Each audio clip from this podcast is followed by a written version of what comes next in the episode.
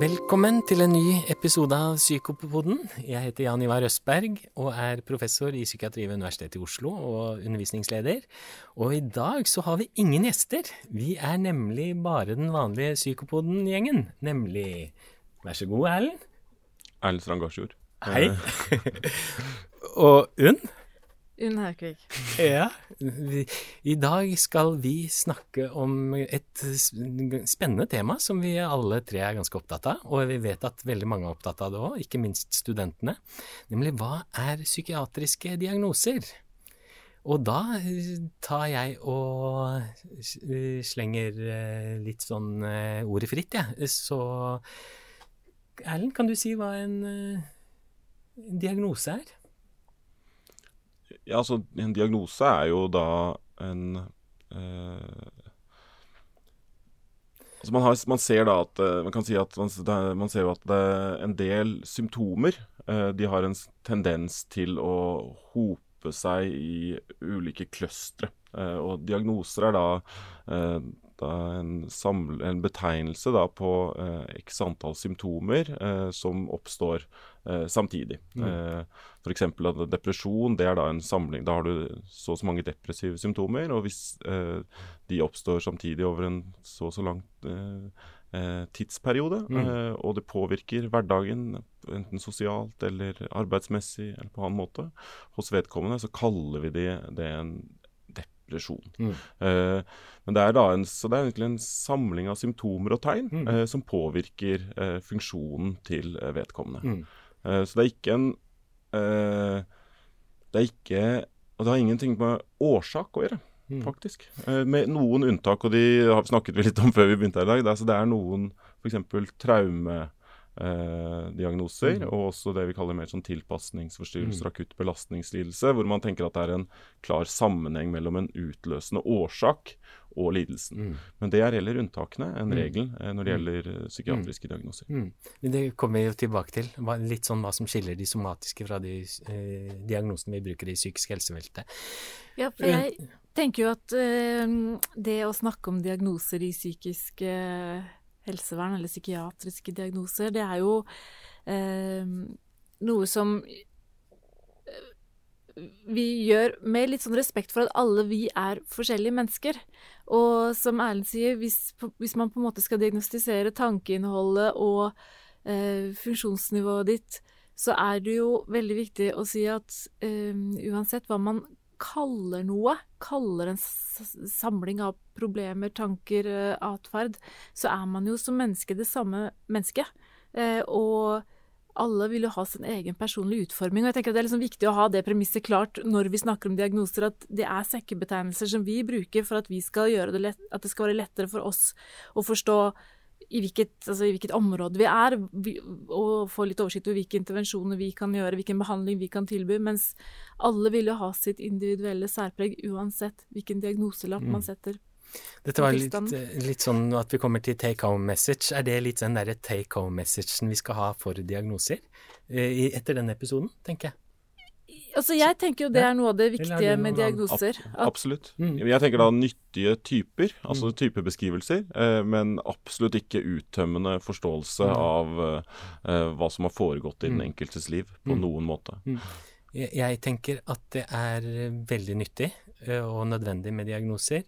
Men vi må huske på at det ikke eh, Vi må også ha tilleggsinformasjon ved hva, hvordan lidelsen har oppstått, hva som vedlikeholder den, og hvordan vi kan bli kvitt den. Ofte det vi i psykoterapien og samtaleterapien kaller kasusformuleringer. Og så tror jeg det er imma viktig at vi husker på at det er ferskvarer. At eh, dette her kan endre seg som tiden går. Så kan det være, Men akkurat nå så kan det være den diagnosen, men om et år så kan det være en annen diagnose som kriteriene da, diagnosekriteriene faller inn under. Mm. Og så er det viktig å tenke at det også er, eh, kan være en sånn dimensjonell overgang mellom hva vi anser som helt friskt, eh, og når det er sykdom. Mm. Og at det kan være en sånn litt eh, ja, mm. en, ikke en flyt, jo, litt en flytende mm. overgang. Det høres mm. litt tendensiøst ut å si det sånn, men at det er grader av alvorlighet over inn i det friske. Mm, mm.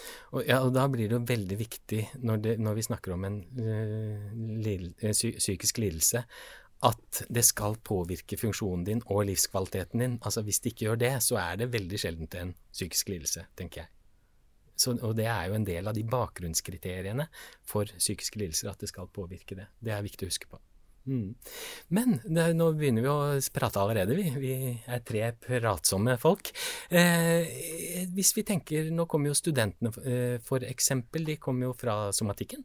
Hvis vi tenker på hva vil dere Hvis dere vi skulle diskutert litt sånn, hva er forskjellen på psykiske lidelser kontra mer somatiske lidelser, som kreft, hjerte-karsykdommer og sånne ting? Hva tenker dere om det? Skal jeg si noe? Ja. Nei, jeg tenker jo Altså, det er jo det er litt Altså En del diagnoser da som er ikke-psykiatriske, har egentlig er basert, er bygd opp på samme måte. Eh, som eh, at de er deskriptive, altså beskrivende. Eh, hodepineproblematikk er f.eks. ikke noe annet enn at du, pasienten kommer og beskriver det. Eh, de symptomene han har. Eh, og så får man en diagnose på det. det er ikke noen på en måte, objektive funn på en måte, i tilknytning til det. Så har du jo andre tilstander, altså hvis du har hjerte-karsykdommer f.eks., så vil det jo være tillegg av biologiske eh, parametere. Altså du f.eks. hvis du skal ha for diagnosen hjerteinfarkt, i hvert fall sånn som jeg har lært det, og vet ikke om det fortsatt gjelder, så skal du ha da eh, eh troponinutslipp. Altså det er et, eh, eh noe som eh, frislippes fra hjertemuskulaturen mm. eh, i forbindelse med det hjerteinfarktet. Og du skal også ha da typiske EKG-forandringer. Mm. Eh, så da man har måtte også da noe mer objektive parametere på at den eh, før man stiller en sånn type diagnose. Mm. Og det har vi jo ikke eh, i psykiatrien. Men det er, ikke sånn at, det er ikke sånn at psykiatrien er det eneste stedet hvor det er sånn. Uh, det, er, det, finnes også i, I generelt i resten av medisin. medisin ja. Mm. Og så tenker jeg at Når man eh, stiller psykiatriske diagnoser, så er det veldig mye basert på hva man sier. Mm. Men sånn som vi også snakket om i en tidligere episode, ikke bare hva man sier, men hvordan man sier det. Fordi den psykiske lidelsen også kan påvirke hvordan, hvordan du tenker og opplever og forstår verden.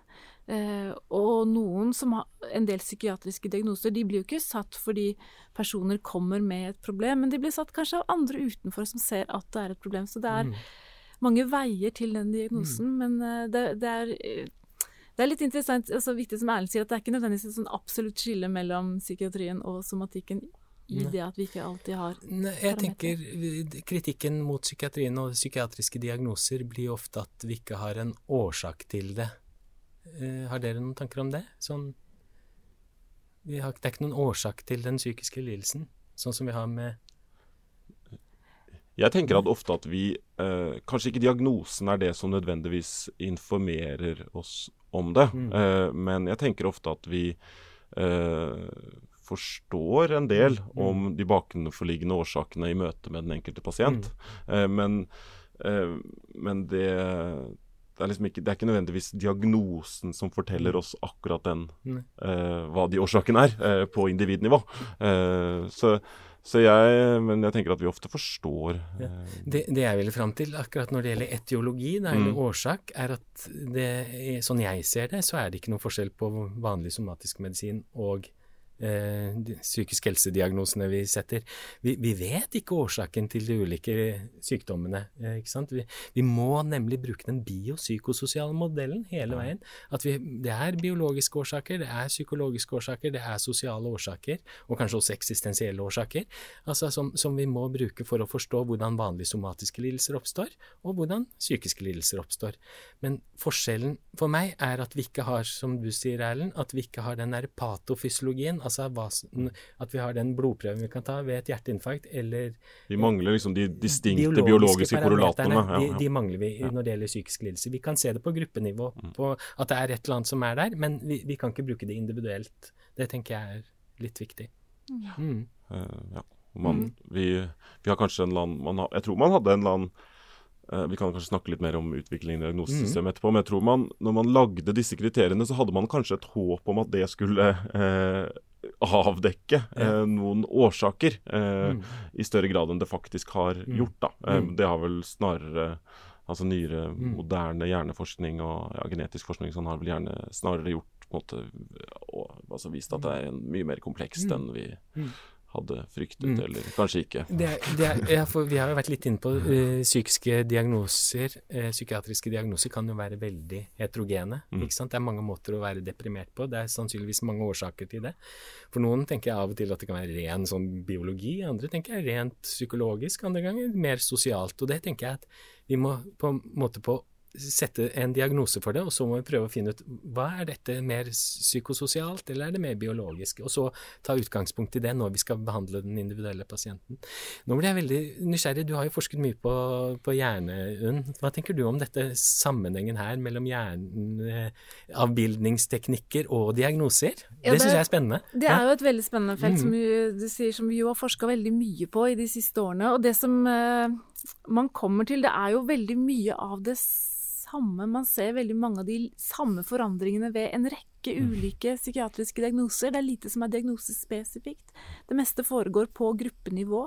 At man kan se ulike eh, hjernestrukturer som er mindre, eh, både ved eh, depresjon, spiseforstyrrelse eh, og schizofreni, bipolar lidelse, at det går på en måte på tvers av, av diagnostiske kategorier. Eh, og man kan se ulike kommunikasjonsmønstre i hjernen som kanskje kan eh, peke på litt mer sånn grunnleggende problemer med å koordinere ulike eh, sanseimpulser eller ulike tankeprosesser. Men, men vi klarer ikke å finne noe som er spesifikt. Men det, stø det, det er jo litt med på det som du sier. Jeg syns det er så viktig det du sier, Nivor om at den biopsykososiale modellen, at vi vet at det er noe biologisk. Det er mye genetikk i, i sårbarhet for, hvert, eh, for, for hvert fall en god del av de psykiske lidelsene. Det er, vi påvirkes av samfunnet vi lever i, og vi påvirkes av eksistensielle og andre psykologiske mekanismer som vi har. Og det er jo litt sånn at vi kan se i tiden Jeg gleder meg fremdeles til dere skal legge fram litt med historie med diagnostikk, men vi kan jo se hvordan samtiden vår manifesterer seg i diagnosene vi har nå, i innholdet f.eks. i vrangforestillinger. Det plukkes fra sam samtiden. Eh, hvordan samtiden på påvirker mennesker. F.eks. vi ser en stor stigning av spiseforstyrrelser nå under korona. Det er jo eh, ting som er biologiske og psykologiske og sosiale i en sammenheng. Mhm. Mhm. Ja, det tenker jeg er viktig, at den medisinske modellen som hele det medisinske fakultetet bygger på, på en måte er den biopsykososiale modellen, og har vært i 50 år omtrent, ikke sant? Eh, og den, når vi snakker om den medisinske modellen, så misforstår folk ofte og snakker om den biomedisinske modellen, føler jeg, og det er liksom viktig å skille de to. Mm. Ja. Jeg tenkte også det du sier, ikke sant, når vi, at man gjenfinner da eh, altså lignende biologiske eh, funn da, på tvers av diagnoser, er jo også interessant. Og Hvis man da trekker over til altså Det er en av kritikkene mot eh, diagnosen har jo vært komorbiditet. Altså det er uttalt eh, komorbiditet. Altså, eh, mange, altså mange pasienter får flere eh, psykiatriske diagnoser. Og jeg syns jo ikke nødvendigvis eh, det er så rart. Eh, og, og jeg tror i hvert fall ikke Jeg har i hvert fall en tendens til å tenke at hvis man har hatt at, at det er det går helt fint an å ha eh, flere psykiatriske diagnoser uten at det nødvendigvis betyr at det er egentlig forskjellige ting. At det er, kanskje det er underliggende, underliggende drivere av eh, f.eks. altså uhensiktsmessige mestringsstrategier da, kan gi opphav både til eh, spiseforstyrrelser, avhengighet, eh, ja, depressiv tilbaketrekning, den type ting. Så det at man også, og Ofte kan man finne liksom at ja, det er et eller annet felles her mm. eh, som gjør at du blir sårbar for disse ulike symptomdiagnosene. ikke sant? Men det er ikke nødvendigvis noe Det er ikke nødvendigvis det at du har at det er liksom feil fire steder i hjernen din som driver disse ulike tingene. Og jeg tenker at det eh, eh, og så, så, så det gir jo også litt sånn mening eh, at det er noe overlagt også da i disse mellom diagnosene i, når, rent sånn biologisk, da, når dere ser på det. Ikke sant? Og det har jo, har jo noe av kritikken mot diagnosesystemene også ligget i det at eh, Eller man har, man har på en måte tenkt at dette er kunstige kategorier som vi har satt opp, eh, og at man i nyere forskning har prøvd å på en måte forske litt mer på disse grunnleggende fenomenene som du nevner med uhensiktsmessige mestringsstrategier, eller eh, at, man, at det er mer sånn grunnpsykologiske eller biologiske fenomener man er interessert i. Men så har vi jo likevel Forskninga er jo treig, eh, så, så man har jo likevel eh, den praktiske eh, behovet for å kunne putte ting litt i bås, eller sette litt merkelapp på det. Eh, så ingen har jo egentlig kommet opp med noen gode alternativer til diagnosekategoriene foreløpig. Nei. Men jeg tror jo det at ikke sant, i, dag i møte med pasientene, når du da har, får f.eks. tre eh, hvis, du, hvis du, på en måte gjør en, en eller annen utredning og så ender opp med tre-fire diagnoser, eh, så tenker jeg at de kan absolutt være riktige. Og, men da er det samtidig, da tenker jeg i hvert fall samtidig, da må man tenke hva Er det et eller annet felles her? Er det noe liksom For det veldig, kan være veldig gull i møte med pasienten da, og på en måte også med, i samtalen da rundt dette. Hva er det vi skal på en måte jobbe med her? Mm. Eh, at man da ikke at man ikke tenker at det er nødvendigvis fire angrepspunkter. Mm. Eh, det kan være noe tenker, nytter og ja. Jeg tenker jo at det at det er mye kormorbiditet og mange måter å ha de psykiske lidelsene på, så finner vi også den komorbiditeten i de andre spesialitetene. Hvis du har en hudsykdom f.eks., så er det ofte to og tre hudsykdommer. Har du en nevrologisk lidelse, så er det ofte to, tre, fire nevrologiske lidelser. Så det er, jo, det er jo, litt sånn Sånn er det, liksom. Men det, ble, det dere sa, det, når dere sa det, det er felles grunnleggende, er det den P-faktoren eh, som dere litt eh, snakker om? At vi har en sånn der underliggende sårbarhetsfaktor som vi arver? Det er vel sånn du nevner dette når det gjelder hjerneavdelingen avbildningsundersøkelser. Men du, du, finner det vel også i, i, genetikken, at du har en sånn P-faktor, en sånn generell faktor for mange psykiske lidelser.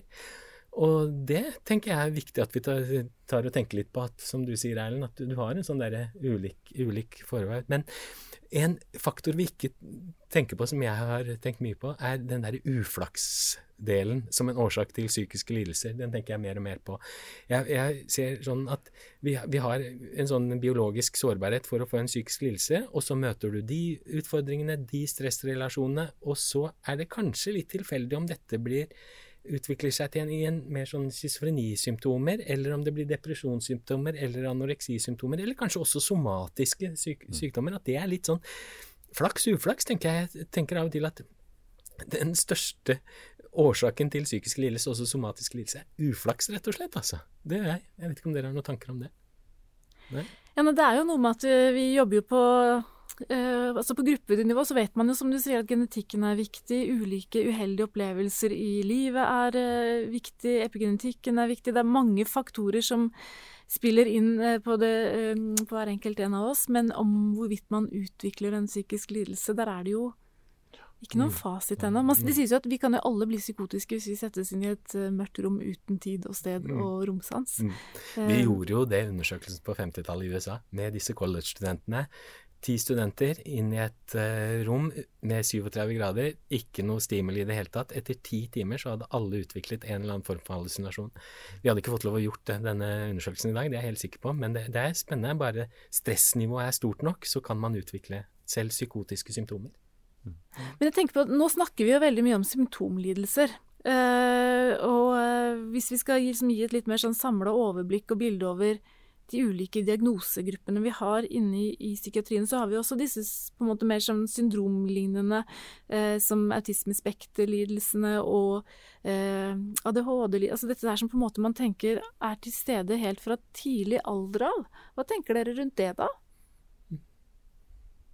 Jeg har ikke tenkt veldig mye om det, Erlend. Har du ja, de mer nevroutviklingsforstyrrelsene? Hva, hva, hva, tenker du om det? Altså, hva, hva er det du eh Nei, altså med flaks og uflaks, eller med årsaksforhold, eller hvordan man skal forstå den diagnostiske, eller de diagnoseutfordringene. Man sier jo at på en måte Før så var bare alle litt urolige, og så um, nå er de, har de ADHD. Før var, alle, var folk litt sære, nå er det autismespekterlidelser. At vi på en måte eh, At man diagnostiserer seg bort fra hva skal man si, normalatferd, ja. eller Det er veldig spennende. Jeg tenker at jeg tenker at det er Det var en brannfakkel, da. Når, det gjelder, når det gjelder ADHD og autisme f.eks., ta det som utgangspunkt, eh, så tenker jeg jo at begge de diagnosene har en eller annen hva skal man si, en kjernegruppe eh, som kanskje hvor, som, hvor, hvor jeg tror de aller fleste vil være enige i at dette her er en eller annen nevrobiologisk utviklingsforstyrrelse som manifesterer seg ganske tidlig, og som mange vil kjenne Ja, men det er noe det er, dette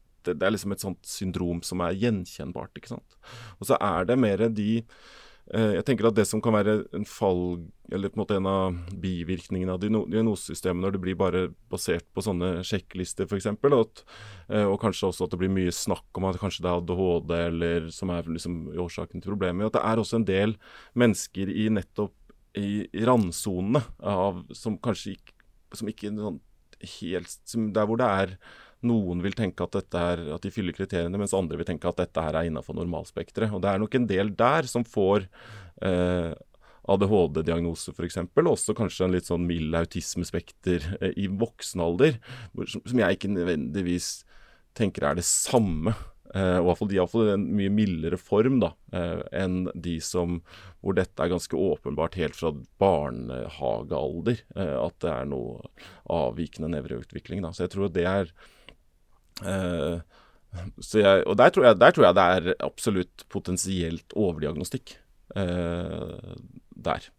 Eh, men, eh, men, at det er noe kjerne av en, måte, igjen, den nyttige typen, liksom, den typebeskrivelsen, at den er liksom ganske gyldig. Uh, det har jeg egentlig tro på. Ja, Det er litt interessant det du sier med på en måte sånn diagnoser som vi ser som ganske sånn tydelige uh, grupper eller syndromer i barnealder. Mm. Og så kommer det en sånn bølge av sånn uh, de nevroatypiske, kanskje spesielt fra USA, som i voksen alder, som du sier, får disse diagnosene, spesielt av kanskje høytfungerende autisme eller mm. ADHD, som på en måte plutselig føler at ting faller litt på plass i livene deres. Mm. mm. Så en diagnose kan jo ha mange funksjoner, sant? Ja, og kanskje det er ulike også det er samme heterogeniteten, da. Eh, og, men at det er Jeg tenker mer, det er liksom ikke Men det er ikke det samme. Mm. Eh, det å Men for mange av disse nevroutviklingsforstyrrelsene, Unn, som du tok opp, så, så, tenker du at vi der kanskje vil finne en mer sånn biologisk årsak eh, på mange av de?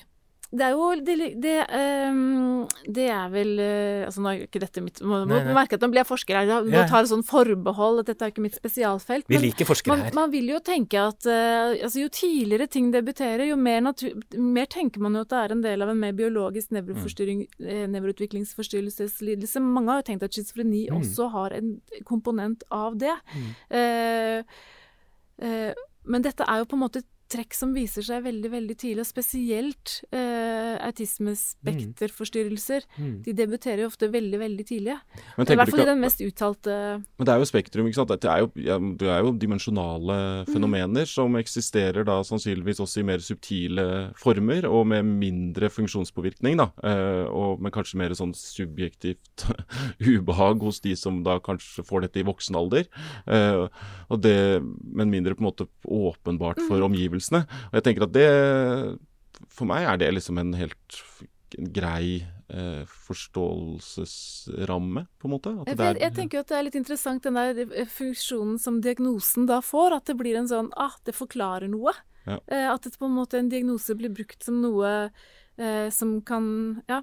Eh, Men det kan jo hende at ikke sant, det, er jo, det her er jo inni altså Det finnes jo masse kandidatgener for, altså for schizofreni og autisme. Det, det, er overlapp mellom de risikogenene for autisme og schizofreni. og det kan, Jeg vil jo forestille meg at f.eks. autisme og ADHD at det er mange gener også som samvirker, uten at jeg kan så mye om den. Mm. Det, at det er mange som samvirker. Det kan jo være også da sant, hvor uflaks du har hatt, da, Jan Ivar, mm, ja. Eh, som sier noe om hvor tidlig dette eh, manifesterer seg og gir problemer. Men likevel så tenker jeg som UNN, altså jeg vet ikke hva jeg bygger det på, eh, men jo tidligere lidelsen utvikler seg, jo mer nevrofysiologisk, tenker jeg også. ja, men ja, der tror jeg vi tenker sånn helt helt likt. Ja, ikke sant. Ja, ja.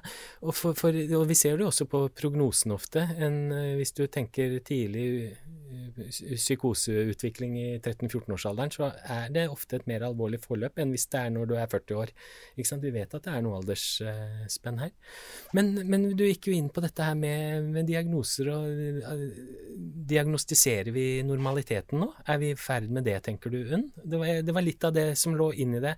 Du sa urolighet blir ADHD, sier du og litt annerledeshet blir yes. Har vi begynt å diagnostisere annerledeshet, og ikke at den der blir så, normalitetsbegrepet blir så smalt? Jeg Tenk. tenker god diagnostikk diagnostiserer ikke normalitet. Jeg syns vi har hatt en veldig god episode med ADHD tidligere med barne- og ungdomspsykiater Kristin Ødegaard, hvor hun sier noe om at de barna som har ekte ADHD får så god hjelp av å få en riktig diagnose. Mm. Og det er ikke bare urolige barn som kan ta seg sammen. Mm. Uh, og jeg tenker at man skal være veldig forsiktig og ydmyk i forhold til hva andre klinikere gjør for slags arbeid. Mm. Um, men det er vel en sånn tve... Det er vel en sånn uh, um, ja, nei, jeg tror det er det jeg har lyst til å si om det. Nei, for vi snakket om det. Eh, sorg blir depresjon, maur i rumpa blir ADHD. Eh, og at vi begynner Vi har jo snakket om dette her, om vi diagnostiserer normaliteten. Ja, jeg, jeg tenker, men, men da, da, kommer det til den litt sånn større, det nevrotypiske feltet. Mm. Eh, og de um, eh, Hvis du har vansker for å sitte stille Vi sitter jo ganske godt og stille her i, i, studio nå, vi klarer å sitte stille. Men hvis du har en eller annen indre driv som gjør at ikke du klarer å sitte stille i det hele tatt, så er det kan være en del av et normalspekter, mm. men det kan også være noe annet. Mm. Eh, og ja. Så kan du være kan du, altså, En annen ting er jo det der med samfunnets hva, ja. hvor, tilput, hvor, tilpasset er mennesket til, mm. eh, til det samfunnet vi eh, på en måte har eh, lever i, da, og har, hvordan vi organiserer oss. Vi er jo ikke sannsynligvis sånn evolusjonært veldig godt tilpasset eh, det. Og jeg tenker, nei, og jeg tenker mm. at sånne urotilstander og ja.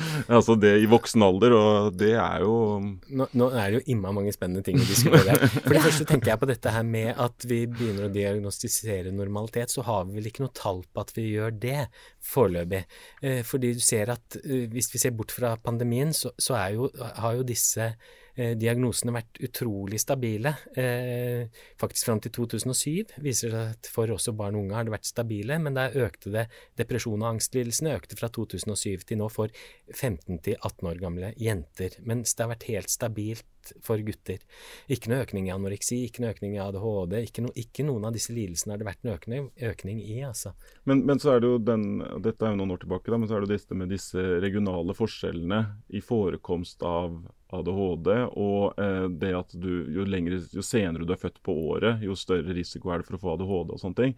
Det er jo eh, hva skal man si, til ettertanke. Ja, og, og, eh, og det, som, det, ja. Ikke bare til ettertanke, men dette er også veldig spennende, som vi også må snakke litt om. Fordi her, vi kjenner jo alle dissidentschizofrenien og hvordan diagnoser er brukt, brukt politisk, ikke sant. Og det, mitt spørsmål til det nå er egentlig litt sånn Er, er det litt sånn sosialt kan det være sosial kontroll i disse diagnosene, noen av de? Tenker dere? Eh, ja, Unn? Ja, nei, jeg tenker jo også på det du sier med sånn dissidentschizofreni, at man skal jo være veldig forsiktig og varsom med den hva skal man si, makta man har da, ved å sette diagnoser eh, på folk. Eh, og sosial kontroll eller ikke altså Jeg har jo den tiltroen til at våre kollegaer som setter diagnoser, ikke stort sett gjør dette Eh, for eh, å hjelpe folk og ikke kontrollere folk. Kanskje er rammene for hva vi aksepterer av atferd smalere enn de var før. Eh, kanskje er det flere som sliter mye, som opplever å få god hjelp fordi man sier at ok, dette er mer enn hva vi kan forvente er, er normalt. Og kanskje, Det er jo ikke den enkelte kliniker, tenker jeg, det er veldig lite grunn for å angripe. Men kanskje noen ganger at også disse eh, diagnosekriteriene er litt for vide. Eh, altså, Den grensen, hvor har man, hvor man er, har man klart å trekke opp den riktige grensen? Eh, ikke sant? Eller skulle man vært litt eh, strengere? Det går an, tenke seg det. Eh, og så er det jo det der med å bli enige om funksjonspåvirkning. Særlig tror jeg hos uh, barn, da. Mm. Det er jo ikke mm. veldig lett. Nei, men det, er, det, er, tenker, det, er ikke veldig lett. Også. Jeg altså. tenker også disse nettundersøkelsene nå, jeg, som jeg reagerer på, hvor det viser at å, nå er 200 000 barn deprimerte, eller unge deprimerte, eller 170, eller hva mm. det er. Og da er det jo sånne skjemaer de bruker på internett som, som som bare Du krysser av på symptomene, men som ikke tar med seg dette med, med funksjon og livskvalitet og sånne mm. ting. Og da er det jo ikke en Det blir ofte i media om, omtalt som psykiske lidelser, men det har jo ikke noe med psykiske lidelser å gjøre i det hele tatt. Det er noen depresjonssymptomer, f.eks. at du har kjent deg trist og nedfor de siste 14 dagene, men det har ikke gått utover funksjonen din. Da er det en del av normaltilstanden, tenker jeg, og ikke, ikke eh, en psykisk lidelse. Ja, for det tenker jeg er veldig viktig fordi de, disse symptomlidelsene som vi kaller såkalte lettere, som depresjon og eh, til, til angst, altså til en viss grad de lettere variantene av det, at der vil jo det svinge veldig i forhold til uh, mm. funksjonsnivået ditt. Mm, mm. Men også til dette med sosial kontroll også. Jeg tenker også at selv om samfunnet er sånn at vi da eh, diagnostiserer ADHD-barn hyppigere når du er født sent på året, f.eks. Mm. Det tenker jeg, I mitt hode så blir det litt skummelt. For da er det jo en utvikling at den som er født i januar, er mer utviklet enn den som er født i desember. Her er det en ren sånn, men de må tilpasse seg skolen. Så, er, er, det mindre ADHD på Steinerskolen? Det vet ikke jeg. Nei, nei, men, nei, men også er det noen, annen, ja, noen andre pedagogiske former om det altså Dette bare, det var det var noe jeg kom til å tenke på nå. Ja. Om det liksom tillater et større eh, avvik Ja, enn eh, eh, Men vi, får holde de ulike skolesystemene utenfra psykopoden, tror jeg. Men, men, men uh, ikke sant? vi har jo hele tiden ulike sant? I den biopsykososiale modellen vi har hele, hele tiden ulike sosiale faktorer som vil påvirke sykdom, sykdommer, hvilke sykdommer vi får. Men likevel vil vi behandle det. Jeg tenker sånn, Vi vet f.eks. at tuberkulose iallfall gjorde stort sett ikke de fattige sosiale strøkene, men vi behandlet likevel tuberkulosen med antibiotika. Jeg tenker litt sånn nå, jeg. Men hva, hva? Men samtidig ser jeg den derre sosialkontrollen som, som, som ligger litt sånn uggen i følelsen min, hvis de da er veldig store eh, forskjeller i diagnostisering hvis du er født i desember eller januar. Men jeg tenker der blir jo funksjonskriteriet veldig mye viktigere enn hva skal man si, den indre Uro? Ja, eller det, hva skal man si, den patofysiologien vi ikke kjenner, da. Ja. Uh, fordi da vil jo det barnet på en måte være putta i en kontekst som det ikke er modent for. Eh, og da kommer, blir det en funksjonssvikt. Mens hvis vedkommende hadde vært i en kontekst som ikke var like stringent eller ikke var like krevende, så hadde det ikke vært det. Mm. Det blir jo en En balanse. balansegang, ja. Mm. Eh, Det vi ikke har snakket om Jeg må styre litt her nå, altså. Fordi vi, vi har jo snakket om diagnoser, og det studentene lærer, er jo den internasjonale klassifiseringen av eh, sykdommer, lidelser, ICD-10, som vi bruker i Norge nå. Og så bruker forskere ofte DSM-4 og 5, som, eh, som er den mer amerikanske modellen. Og for studenter så kan det ofte være litt sånn forvirrende. Er, er det noe, før vi tar litt sånn historisk her, eh, for å forstå diagnoser bedre og hvorfor vi har de og litt sånn, er det, er det noen forskjell på ICD-10, som studentene skal lære, og som vi faktisk bruker i klinisk praksis i Norge, og DSM-5, som på en måte forskerne bruker, og hvorfor den derre skillet? Har dere noen Det er jo mange forskjeller på detaljnivå, selvfølgelig, eh, og det er jo interessant nok, det. Men jeg tenker en av de viktige forskjellene er jo at i ICD, nei, unnskyld, i DSM-5, så, eller i DSM-systemet, så opererer man jo, eller har operert med type akser hvor man forstår ting på litt ulike nivåer. En ting er dette som er mest stabilt over tid, en annen ting er disse symptomdiagnosene som flukturerer mer. Og det syns jeg er litt sånn nyttig forståelse å ha.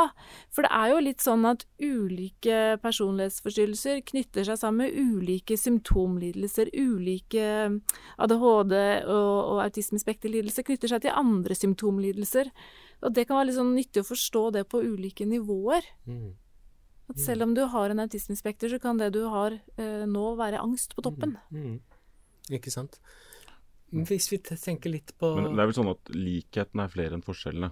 Likheten er flere enn Det er Og et, ja, Mm. det vil jeg tenke. Og, noen, jo som Unn sier, det er noen små Ja, detaljforskjeller, men eh, likheten er mer enn forskjellene. ja. Mm. Og det er ikke noen grunn for å lære seg sånn, fall som eller, det, det holder å forholde seg til eh, det ene. Da vil du også kjenne til hvert fall mye, mye av Mm. strukturen i det andre. Altså. Mm. Jeg vet også i mange av disse diagnosemanualene så står det jo samsvarer med ICD-diagnosen der, ikke sant. Så det er veldig mye likheter, så er det noen, noen, noen forskjeller. Vi kan jo håpe at studentene snart får ICD-11, da. Mm. Jeg har lyst til å gå litt sånn historisk, jeg. Altså, først har jeg lyst til å eh, Erlend, jeg vet du har vært litt sånn opptatt av det, denne historiske utviklingen av DSM og disse diagnosesystemene, og at et skille skjedde i 1980.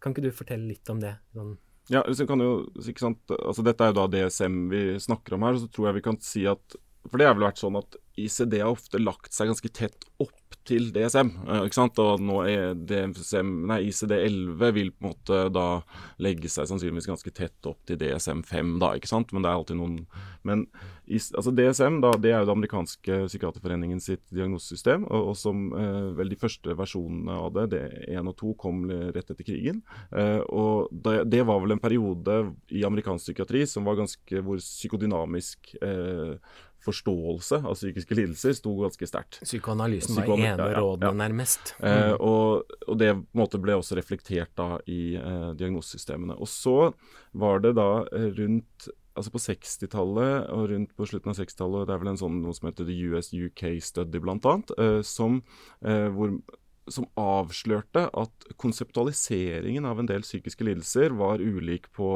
hver side av Altantrava, altså i USA og Europa. Eh, så det ikke sant, at man da møttes, og så var ikke på en måte konseptualiseringen f.eks. av schizofreni lik eh, i USA og Europa. Og Det representerte jo et problem. ikke sant? Vi, vi snakker ikke om de samme tingene her. Og da ble man så da ble det da på 70-tallet, eh, og da som kulminerer da i lanseringen av DSM-3 eh, eh, i 1980, gjort et arbeid eh, hvor man eh, lagde da eh, et utkast til et diagnosemanual basert på som var kriteriebasert. Altså, som er da egentlig da sen, senere diagnosemanualer, altså DSM-4 og 5 og ja, ICD-8, 9, 10, er på en måte da basert på egentlig på DSM-3 og det mm. som skjedde da. Mm. Eh, og Grunnen til det var da at man hadde et hovedfokus på reliabilitet, og særlig interrate-rehabilitet. At når jeg møter et menneske, så skal jeg vurdere det ca. likt som når hun møter det samme mennesket. At jeg skal, vi skal på en måte ende opp med det samme. Eh, og, det, og, det, er uh, og det var da på en måte et veldig stort setback for den psykodynamiske tradisjonen eh, i, i, USA, bl.a. Eh, og så har vi vel etter hvert Man hadde jo tanken om at det liksom skulle være det, altså Litt av slagsiden til dette ble vel at det ble trykket opp voldsomt. og for, man, liksom, man, trodde kanskje at man hadde liksom, nå, hadde, nå har vi liksom fasiten her. Og mm. det var vel ikke intensjonen til de som lagde det. Det var liksom et rammeverk for forskning hvor man håpet at man skulle også skulle avstedkomme en del forskning hvor man ville avdekke en del underliggende årsaker. Uh, ja, så Men Så det er Så, så den uh, uh, Og det har blitt sånn det er. Da skal man vel si at uh, det kan hende, jeg tror i hvert fall i USA så er vel kritikerne sagt at en del på en måte mer sånn grunnleggende forståelse eh, gikk tapt. Mm. Eh, mer sånn fenomenologisk? Ja, fen fenomenologisk ikke sant? Mm. av på en måte hva det er som skjer, gikk tapt eh, ved den endringen som skjedde mm. med DSM-3. da. Mm. Eh, det er bl.a. Nancy Andreassen som har skrevet en artikkel som jeg syns er litt artig. Heter, jeg tror den heter 'The Rise of DSM eh, and The Death of Phenomenology mm. in, in, US', som kom i 2007 eller noe sånt. Den, hun beskrev det, da. Mm. Eh, Eh, så tror jeg ikke det er så ille her. Eh, men jeg tenker at det, det går litt tilbake på det vi snakket om innledningsvis. At uh, vi må passe oss for at, bare, at, vi, bare, at vi bare driver med diagnostikk uten en eller annen sånn, mer sånn forståelse om hva som har skjedd på individnivå. Mm. Så jeg tror, ikke vi, jeg tror ikke vi holder på sånn, men det, det var nok kanskje en periode da, hvor det ble, det ble litt for mye uh, deskriptiv diagnostikk. Ja. Unn? Ja, nei, jeg tenkte Det du sier der med den for, litt sånn forskjellen på hvordan man gjorde det i USA og hvordan man gjorde det i Europa. Det er vel mange som mener fremdeles at det er et mye sterkere, spesielt i Sør-Europa, fenomenologisk perspektiv og mer fokus på å forstå eh, de underliggende prosessene og mekanismene i europeisk diagnostikk enn i eh, amerikansk diagnostikk. Og sånn rent pedagogisk for studentene så er det veldig greit å vite når man forholder seg til veldig mye info og film og YouTube og God knows mm. what fra USA, at, at, man tenker ofte litt annerledes her i Europa enn i USA mm. på dette feltet. Mm. Men den deskriptive har jo tatt ganske mye over, tenker jeg, for den fenomenologiske. Ja, men, mm. ja absolutt. Mm. Og det, vi har jo den deskriptive her òg, men man har liksom en mer fenomenologisk, syns jeg, forståelse blant klinikere mm. innbakt i det deskriptive. Ikke sant. I den hverdagspraksisen. Mm. Du nevnte reliabilitet. Diagnosene ble mer eh, reliable. Altså at hvis eh, du eh, vurderte en, Når du undersøkte en pasient hadde en depresjon, så var det stor sannsynlighet for at hun også fant det samme, på en måte. Eh, mange sier at det gikk eh, på bekostning av gyldigheten, altså validiteten. Har du noen tanker om det? Vi har jo mange typer validitet, da, men gyldighet, er, er diagnosene gyldige? Uh, Nå ble du veldig tenksom. Uh, altså, de er vel bedre på reliabilitet enn validitet, det kan vi vel si. Mm. Uh, og um, jeg tenker at hvis du snakker om f.eks. om de diagnosekategoriene vi opererer med, at grenseoppgangene mellom de eksisterer i biologien, gyldighet på den måten? Nei. Mm. det er det veldig mye etter hvert som tyder på at de ikke gjør.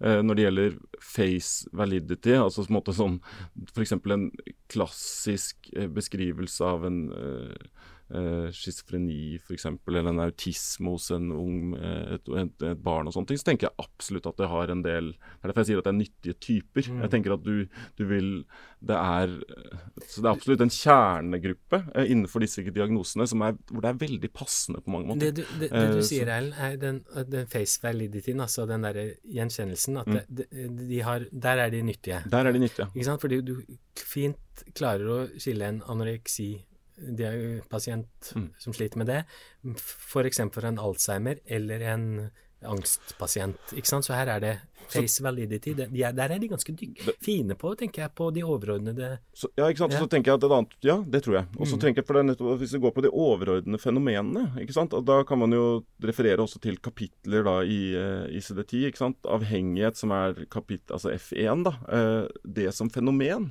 uh, det er nok ganske gyldig. Uh, og at, at, det er noe, noe, eget, på en måte. Psykose som fenomen, uh, som er da neste kapitlet, også ganske gyldig. Mm. Depresjon som fenomen, uh, og de, det er også ganske gyldig. Det er neste kapitlet. Angst som fenomen, kapittel F4, ikke sant? også veldig gyldig. Personlighetsproblematikk, altså på en måte mer sånne trait ting som ligger i F6, også gyldig som eh, fenomen. Så kan man spørre seg om alle disse subkategoriene. Hvis du mm. begynner å bryte ned, så er det grunnlag for å ha f.eks. Eh, jeg vet ikke hvor mange psykosediagnoser det er, men bare slenger ut 20, psykose, 20 psykosediagnoser. Da, da, begynner du å bli altså, så, altså Kenneth Kendler har jo skrevet om dette liksom, types and tokens. og Han sier at du kan stole mye mer på types enn disse tokens. Da. Så jeg tror at vi kan i den kliniske hverdagen kan vi nok bli, bruke for mye tid på findiagnostikken. Mm. Uh, fordi, men, for, hvor vi da er ute Vi prøver liksom å fange noe. At nå skal vi liksom helt ned på liksom detaljnivået. Mm. Og det, det, skal vi nok være forsiktige med. Det kan være en potensiell tidstyv. da. Mm.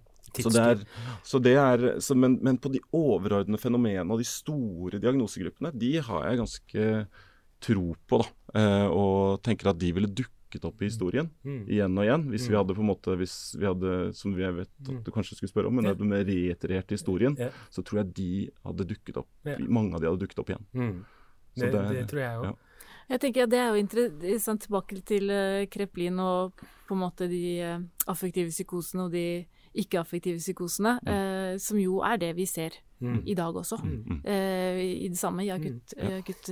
Men, men, sånn, men, alle mulige sånne akutt schizofreniform psykose, akut, ikke sant? All, uh, sånne ikke, akutt ikke Kanskje alle disse småkategoriene. Uh, det, det, der er vi nok Det ville nok det, de ikke, er, vi trenger ikke å bruke så mye tid på å differensiere der. Fordi det nei, Og det vil vi ikke ha så veldig mye å si for behandlingen. Nei, nei, nei. Og, så der har for... manualen est ut kanskje litt for mye, da. Men, ja, jeg, jeg, er helt, jeg, er helt, enig med deg, men jeg tenker også at det kanskje ikke Hvis det blir en tidstyv, så, eh, så er det nok uh, alvorlig. For mm. tid er jo en uh, ressurs. Men f.eks. hvis vi tar disse tre hovedunderkategoriene på schizofreni eller underkategoriene på depresjon, tenker jeg det kan være viktig eh, å skille f.eks. en hebefren schizofreni, hvor det er mye negative ja. symptomer, hvor du vil gjøre noe annet enn hvis det er en paranoid schizofreni, hvor det er hallusinasjoner og vrangforestillinger og sånne ting. Jeg vil tenkt det er litt sånn forskjellig behandling, og jeg vil også tenkt her eh, er det litt sånn eh, om eh, prognosen men vi vet jo at mye negative symptomer, mer hebefren schizofreni, da vil prognosen bli eller kan være eh, dårligere mm. enn hvis det er massive med positive symptomer som hallusinasjoner og vrangforestillinger. Og så, tenk, så, ser vi jo heller ikke noe Selv om vi har fått disse underkategoriene, så ser vi heller ikke noe økning i antall som får schizofreni. Så, så motargumentet kan jo være da at vi får en mer spesifikk diagnose, men vi får ikke en økning for det. Spørsmålet er om du har, hva du har glede av ja. med den mer spesifikke diagnosen. Ja. om, eh, jeg, jeg, er uenig i at det, med, altså det å måtte kanskje poengtere hva som er fremtredende, at det er noen mm. typer symptomer som det er mm. særlig viktig å være klar over mm. at det er eh, til stede rent prognostisk, det mm. kan være viktig. Og for så vidt også forløpsspesifikatorer tror jeg mm. også kunne være nyttig, da, hvordan det går over tid. Uh, men, men, om det uh, om, vi hadde, om vi trenger om det skal på en måte være ting som er spesifisert i enkeltkategorier. Mm. Eh, Eh, eller om det på en måte man kan ha en overordnet kategori som er lettere å formidle til pasientene. Liksom, liksom, det, dette, og så heller bare spesifisere under, da. Eh, med, altså Man tenker deg klinisk relevante spesifikasjoner. da. Eh, jeg, jeg, kunne vært tilbøyelig til å tenke at det var uh, mer hensiktsmessig. Mm. Mm. Nei, jeg ble bare sittende og tenke på uh, akkurat det som du tok opp nå. Nå ser jeg tida flyr av gårde for oss uh, i denne superlange episoden av diagnose hvor vi snakker oss helt bort. Men dette med prognose, for ofte så er det jo litt sånn at når folk får en diagnose, så skal man jo ha en forklaring av hva den inneholder, hva som er grunnlaget for den, hva som er behandlingen, og så spør jo veldig mange om prognosen. Mm. Hvordan kommer det til å gå med meg? Og da kan man jo også tenke at eh, en del av de, de, underkategoriene, hvis de er sånn relativt gyldige, at de kan, kan være nyttige. Det er ikke sikkert jeg er det, men jeg blir sittende og tenke på det. Det er jo litt sånn interessant det du sier, Erlend, om at eh, vi jobber med sånn litt overordna typer, mens i veldig mange andre felt i medisinen så jobber man jo liksom med for å differensiere mye mer og skape presisjonsmedisin, som, hvor behandlingen skal liksom eh, gå på spesifikke undergrupper. Og det er vel også litt sånn at man gjør det i psykiatrien, at man kan bruke disse underkategoriene for å eh, på en måte eh, tilpasse behandlingen bedre. Mm. Eh, ja. Det er interessant det du sier der, for jeg leste nettopp en sånn uh, artikkel om presisjonsmedisin når det gjelder kreftmedisin, og den, det som var hypotesen der, var at den presisjonsmedisinen i, når det gjelder kreftmedisin, ville revolusjonere diagnosesystemet der. Ikke sant? Og det er litt interessant å tenke på også i forhold til når det gjelder psykiske lidelser. At får vi mer sånn presisjonspsykiatri, som de fleste jobber med nå, så, så, så kan det, gjøre det, det kan gjøre noe med diagnosesystemet. Mm. Men jeg, må... jeg, tror ikke dagens subkategorier er veldig presise. Nei. Nei. Det tror jeg ikke. Nei. Så tenker jeg jo også, sant, også med de kategoriene som vi har, og det er jo apropos dette med validitet, da, så sier, jo en, sier du veldig relativt lite om prognose. Mm. Altså Pasienter med schizofreni har jo det er jo, veld, det er jo veldig heterogent, mm. eh, heterogen prognose, da. Mm. Eh, mm. det er jo ja, Vi kan jo dele det opp i tre, tre. tre liksom, mm. eh, og hvor det går alt fra veldig dårlig til veldig ganske bra. bra. Eh, mm. Så, mm. så, det er jo eh, Så de har, de har, liksom, de har liksom, selv med de kategoriene jeg har i dag, så har vi ikke noe det, de er, det er ikke så veldig mye sånn prognostisk verdi i de. Mm. Eller tenk, Hvis man bare er på ett nivå litt over, men akutt polymorf psykose vil jo ha en annen prognose ja, enn en schizofren ja, da, og, og, der er, der er mitt, der er mitt ankepunkt egentlig bare at vi trenger ikke så mange sånne akutte eh, Blad som, etter så mange forskjellige akutte psykoser. Eh, mm. ja. Du vil skrelle ned litt, ja. eller du tenker det kan være nyttig iallfall for klinikken? Ja, det, det er litt mer oversiktlig på et eller annet vis. Mm, mm, uh, og jeg tror ikke vi hadde tapt så mye på det. Men noe vi også må diskutere. Vi, vi må bare gjøre det. Da får vi heller gå litt på overtid, håper jeg. Det går greit for dere. For det, dette med, som også har vært diskutert mye, vi ser det litt når det gjelder personlighetsfeltet, hvor man har gått over fra en mer eh, kategorisk modell med ulike personlighetsforstyrrelser til mer dimensjonale modeller. Og, og, det gjelder jo for så vidt hele medisinen, at uh, det kan være hensiktsmessig med mer uh, dimensjonale modeller. Hva, hva, tenker dere om det når det gjelder uh, depresjon? Du har vært inne på det, Unn, med dette her at her er det jo ikke noen klare grenser, men vi setter et cutoff. nå, nå sier vi at dette er en psykisk lidelse, men, men, det er jo det samme som vi gjør med blodsukker. Det, det er det samme vi gjør med blodtrykket vårt. Er det, eller er det noen andre forskjeller? Vi setter en sånn cutoff. Nå er det en lidelse, nå er det ikke. Vi har snakket mye om at man setter en cutoff når det blir en funksjonssvikt, men hva mm. er en funksjonssvikt? Ikke sant? Ja. Det er ikke lett. Nei, og jeg tenker jo i personlighetsfeltet så er det jo mye av det dimensjonale. at Før så har man hatt ganske sånne arketyper på ulike typer personlighetsforstyrrelser, og de har vært ganske de antisosiale, de mm. emosjonelt ustabile, de unnvikende, de avhengige, de um, histroniske. Man kan liksom se de for seg, de schizoide. Og de, man, kan, man, kan, se de for seg, mens, mens, nå så ønsker man at dette her At mye av kjerneutfordringene er jo like på tvers av de ulike personlighets... Uh, eh, at det dreier seg om relasjonelle vansker. Uh, men jeg bare tenker det du sier med uh, altså funksjons, en, med en antisosial personlighetsforstyrrelse, eller en dyssosial, som vi kaller det i ICD, vil jo kanskje ikke tenke at det er et problem at man, er, at man har det, eller at, oppleve at det er en slags funksjonssvikt. Så um, altså det dimensjonelle det vil jo være både innad mellom de ulike mm. underdiagnosegruppene som vi har nå, men også over i et sånt normalitetsfelt, mm. hvor kanskje ikke personen selv er den som vil si at her er det en funksjonssvikt, mens mm. kanskje de rundt, som skal ha en relasjon til mm. personen, syns at her er det nok til at det ikke er. Eh, normalspekter, men er noe annet. Men er vi dømt til å kategorisere i medisinen? Selv om det er dimensjonale fenomener? Eller er alle sykdommer eh, egentlig dimensjonale fenomener? Nei, det blir det. Da Jo, jeg tror altså, Egentlig jeg, så er det vel det. Jeg tenker at det er eh, mm. uh, Ja. Jeg ville, hvis jeg skulle valgt mellom de to, så ville jeg tenkt at veldig mye er dimensjonalt. Det ville jeg også tenkt at det er det, men samtidig Men så selvfølgelig, det finnes jo alltid unntak fra det. altså Det er jo noen monogene ja, sykdommer Huntingtons Korea er liksom Ja, den eneste kategorien jeg kan tenke meg. Ellers så er det alt fra blodsukker ved diabetes, alt fra eh, kreftceller. Det er så og så mange som skal delt seg, så sier vi at nå må vi gjøre noe, ikke sant. Men eh, ja, du har mange, mange dimensjoner. er ikke Huntington også sånn der at hvor det er antall eh, sånne, Er det ikke sånne kopier, da? Jeg trodde det var én, jeg. Men det, Jeg det tror det kan er også sånn som kan, måte, som kan, som kan bli Men- verre med generasjonene. og- Men poenget ditt, Jan Ivar, er vel det at, at vi, ikke sant, eh, de psykiske lidelsene der opererer jo i et sånt eh, dimensjon, i et kontinuum mellom normalt og friskt, og så trenger vi dette cutoff-punktet for å si noe om Ja, som vi gjør ved andre ja, sykdommer òg. Som vi gjør Mm, ved andre sykdommer. Ja, jeg pleier å bruke eh, det mest dimensjonale fenomenet vi har i naturen, er nemlig regnbuen og alle disse fargene. Det er jo, det er så dimensjonalt, men likevel så har vi kategori, kategorisert det der. Rødt, oransje, gult, grønt, ikke sant. Vi, vi har en sånn behov for orden og struktur når vi skal kommunisere etc. Selv selv om det er dimensjonale fenomener, så må vi, må vi gjøre det. Jeg syns den regnbuen var en nydelig avslutning Mm. på denne episoden. Det syns jeg også. Eh, Så da eh, takker vi for eh, at dere har hørt på oss, og ikke minst Morten Skoglund ved Universitetet i Oslo, som står for det tekniske her. Vi høres!